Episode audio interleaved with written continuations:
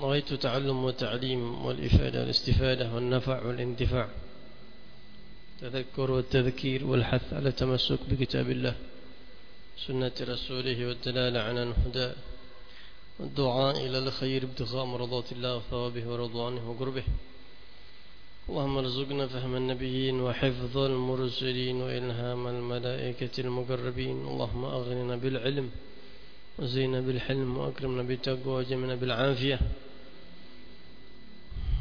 اللهم إني أستودعك ما علمتني فاردده إلي عند حاجتي إليه ولا تنسنيه يا رب العالمين. صلى الله على سيدنا محمد النبي الأمي وصحبه وسلم الحمد لله رب العالمين. السلام عليكم ورحمة الله وبركاته. الحمد لله رب العالمين وبه نستعين على أمور الدنيا والدين. اللهم صل وسلم على سيدنا محمد وعلى آله وصحبه أجمعين. سبحانك لا علم لنا إلا ما علمتنا إنك أنت العليم الحكيم. رب اشرح لي صدري ويسر لي أمري واحلل عقدة من لساني يفقه قولي. وسدد لساني واهد قلبي بحق سيدنا محمد صلى الله عليه وآله وصحبه وسلم. Alhamdulillah Rabbil Alamin kita bersyukur kepada Allah Di malam hari ini kita bisa berintikaf Di masjid ini. Bermudhakarah Di malam Jumat yang mulia ini Di bulan Rabi'ul awal ini.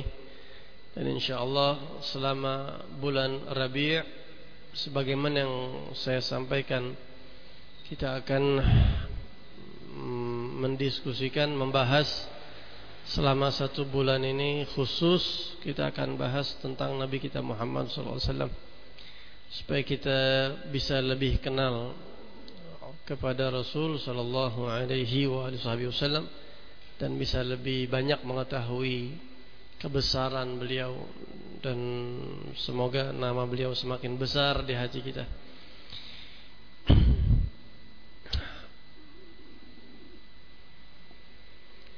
Kita sering uh, mendengar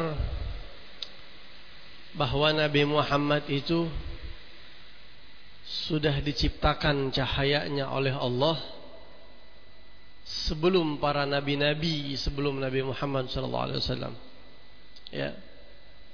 Bahkan sebelum Nabi Allah Adam alaihi salam. Sebelum Nabi Allah Nuh Rasulullah sudah ada namanya dan bahkan sudah diciptakan cahayanya oleh Allah sebelum Nabi Allah Ibrahim, sebelum Nabi Allah Musa dan Nabi Allah Isa alaihi salam. Kita sering dengar keterangan itu dari hadis. Ya. Dan sebenarnya ada ayat yang menguatkan keterangan itu. Ada ayat di dalam Al-Qur'an yang secara tersirat ya, bukan tersurat, bukan secara tertulis, tapi secara maknawi. Kalau kita resapi betul-betul ayat ini Allah Subhanahu wa taala ngasih sinyal sama kita bahwa nabi itu sudah ada. Sudah mengambil perjanjian sama Allah ya sebelum Nabi Allah Nuh ya bahkan oh, Nabi Allah Ibrahim dan seterusnya. Ayat itu berbunyi wa id akhadna minan nabiyyina mitsaqahum wa Ibrahim wa Musa wa Isa bin Maryam. Dan ingatlah ketika kami mengambil perjanjian dari semua para nabi. Para nabi ada janji setia sama Allah Subhanahu wa taala. Semua para nabi Allah sebut wa id akhadna minan nabiyyin mitsaqahum. Allah sebut semua para nabi, kemudian Allah sebut lima nabi ulul azmi secara khusus, secara uh, detail. Wa minka wa min Nuhin wa Ibrahim wa Musa wa Isa bin Maryam. Lima nabi disebut sama Allah secara khusus di ayat itu. Padahal mereka-mereka sudah termasuk nabi yang udah Allah ambil janji Kenapa lima ini disebut secara khusus? Pertama, mereka memiliki kelebihan ulul azmi dibanding nabi-nabi yang lain. Tapi kata ulama tafsir yang kita perlu garis bawahin itu urutan nama yang Allah sebut. Wa id akhadna minan nabiyyina mitsaqahum wa minka wa min Nuhin wa Ibrahim wa Musa wa Isa bin Maryam. Yang disebut sama Allah itu urutannya engkau Nabi Muhammad, kemudian Nabi Nuh, kemudian Nabi Ibrahim, kemudian Nabi Musa dan Nabi Isa. Kalau kita kan baca Quran begitu aja lewat. Tapi kalau ulama enggak. Ulama itu merhatiin sampai detail kalau baca Quran. Termasuk di dalam Al-Quran itu Allah nyebutin ini dulu baru itu. Nyebutin A dulu baru B. Itu semuanya bukan kagak sengaja. Itu semuanya bukan tanpa makna. Tapi ada maknanya. Kenapa ini dulu baru itu? Kenapa ini dulu baru itu? Kenapa surat Al-Baqarah dulu baru surat Ali Imran? Sampai ada satu kitab yang ditulis oleh Al-Imam As-Suyuti namanya Asraru Tartibil Quran. Rahasia di balik urutan Al-Quran. Habis surat ini kemudian surat ini kenapa? Rahasianya begini. Tapi kalau itu berbicara hanya per surat begitu ya. Kalau kita berbicara per ayat itu juga bisa dan bisa lebih panjang pembahasannya. Begitu juga para ulama. Kenapa Imam Bukhari memulai hadis pertamanya hadis dari riwayat fulan dan hadis terakhirnya kenapa hadis itu? Itu semua ada maknanya. Termasuk ayat ini. Wa minka engkau min nuhin nabi nuh wa ibrahim wa musa wa isa bin maryam. Kata ulama kalau diperhatiin itu Nabi Allah Nuh, Nabi Allah Ibrahim, Nabi Musa, Nabi Isa itu mereka disebut sama Allah sesuai urutan zamannya masing-masing zaman Nabi Allah Nuh sebelum Nabi Ibrahim. Setelah Nabi Allah Ibrahim, Nabi Allah Musa dan setelah Nabi Musa zamannya Nabi Isa. Ya, empat nabi itu disebut sama Allah sesuai urutan zamannya. Tapi Nabi Muhammad disebut sama Allah sebelum Nabi Allah Nuh. Wa minkah. Dari engkau, kemudian Nuh, Ibrahim, Musa, Isa. Ketika Allah ingin menyebut lima nabi ulul azmi di antara seluruh para nabi yang udah Allah ambil perjanjian Allah sebut nama Nabi Muhammad sebelum Nabi Allah Nuh. Padahal dari Nabi Nuh ke sono acakannya itu sesuai urutan zamannya. Nah ayat ini syahidnya hadis Nabi Muhammad SAW Anda lupa pernah baca tafsir ayat ini Abu Hurairah radhiyallahu an, Sayyidina Abu Hurairah pernah bertanya kepada Rasulullah, "Ya Rasulullah, kenapa engkau disebut lebih dulu daripada Nabi Allah Nuh?" Apa kata Rasulullah? Apa di Simtudurar itu? Uh, ada hadis di Simtudurar itu.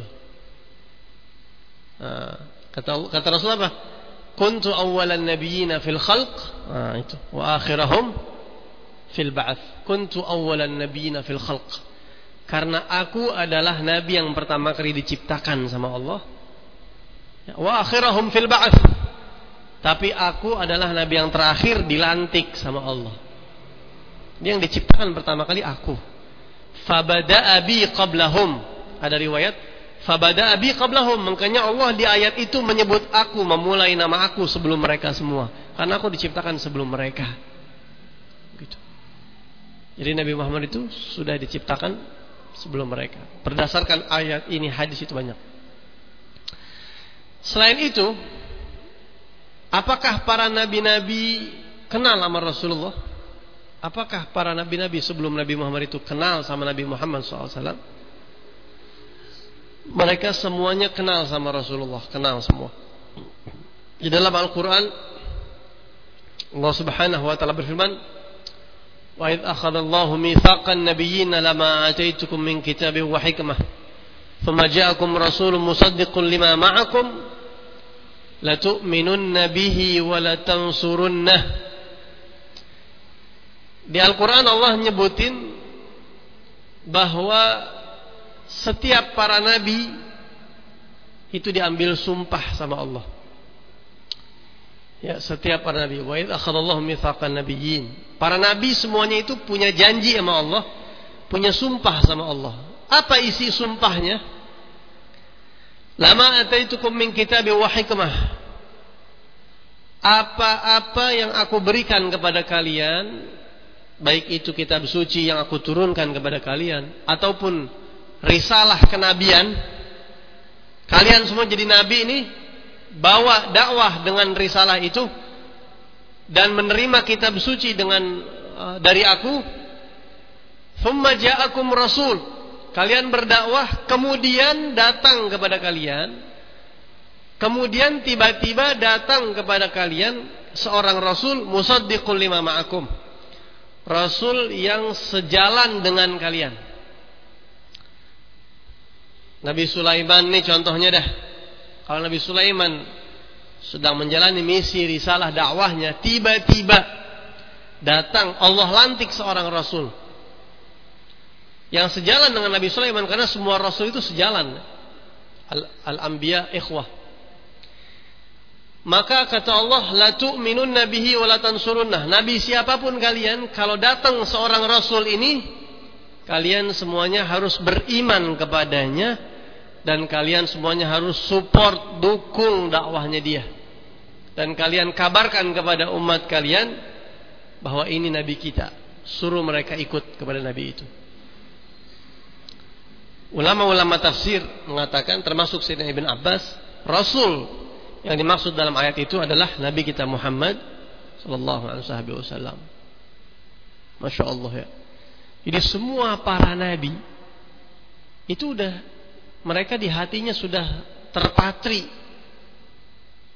Mereka sudah tahu andai kata di tengah-tengah dakwah mereka datang Nabi Muhammad, maka syariatnya habis. Maka mereka harus bilang sama umatnya, ini Nabi kita sekarang mereka wajib beriman kepada Nabi Muhammad dan wajib menolong Nabi Muhammad SAW.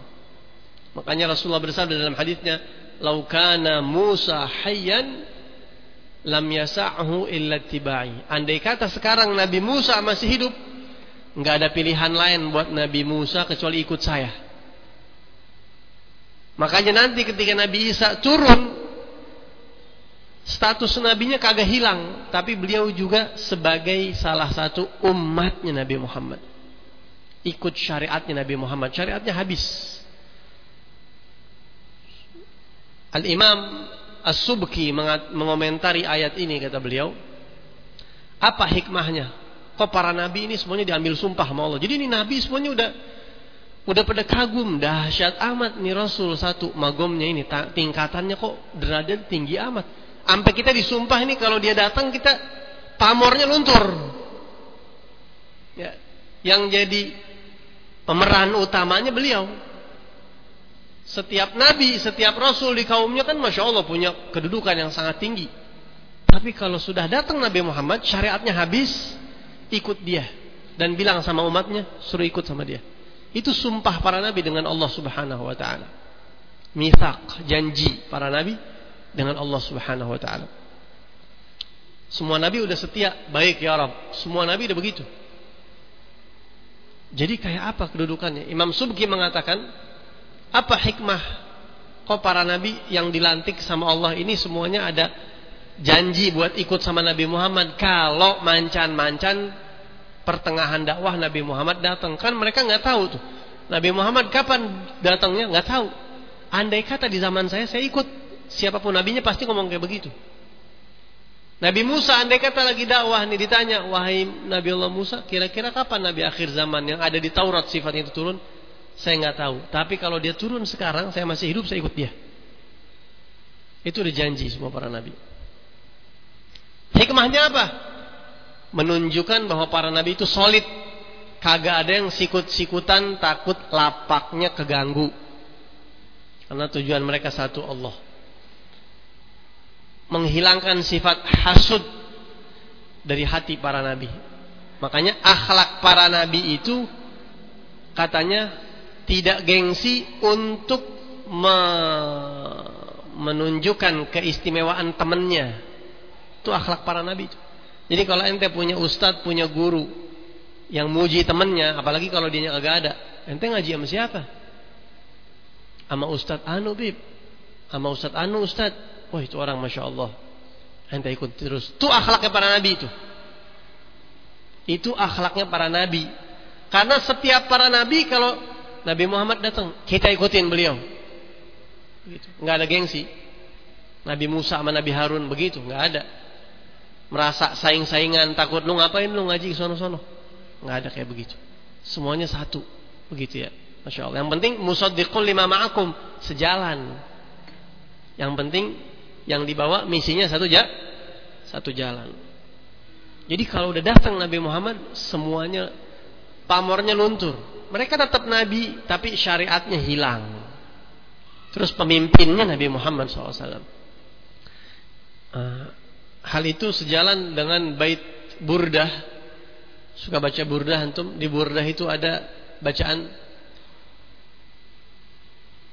uh, fa inna fadla rasul uh, wa kullu ayin atar rusulul kiramu biha fa inna mattasalat min nurihi bihimi. Setiap mukjizat yang dibawa oleh para nabi. Nabi Musa kan hebat banget mukjizatnya tuh. Nabi Isa kan mukjizatnya hebat-hebat banget itu. Nabi Sulaiman, Nabi Soleh, Nabi Shu'aib, Nabi Zulkifli, Nabi Fulan, Nabi Fulan. Kullu ayin, semua tanda-tanda kebesaran para nabi, semua mukjizat para nabi. Atar Rasulul kiramu biha yang mereka bawa, fa inna mattasalat min nurihi bihimi. Itu semuanya kehebatan itu karena cahayanya nyambung ke cahayanya Rasulullah SAW. Karena di hati mereka ada nama Nabi Muhammad. Begitu mereka nggak mau ikut Nabi Muhammad, dicabut sama Allah.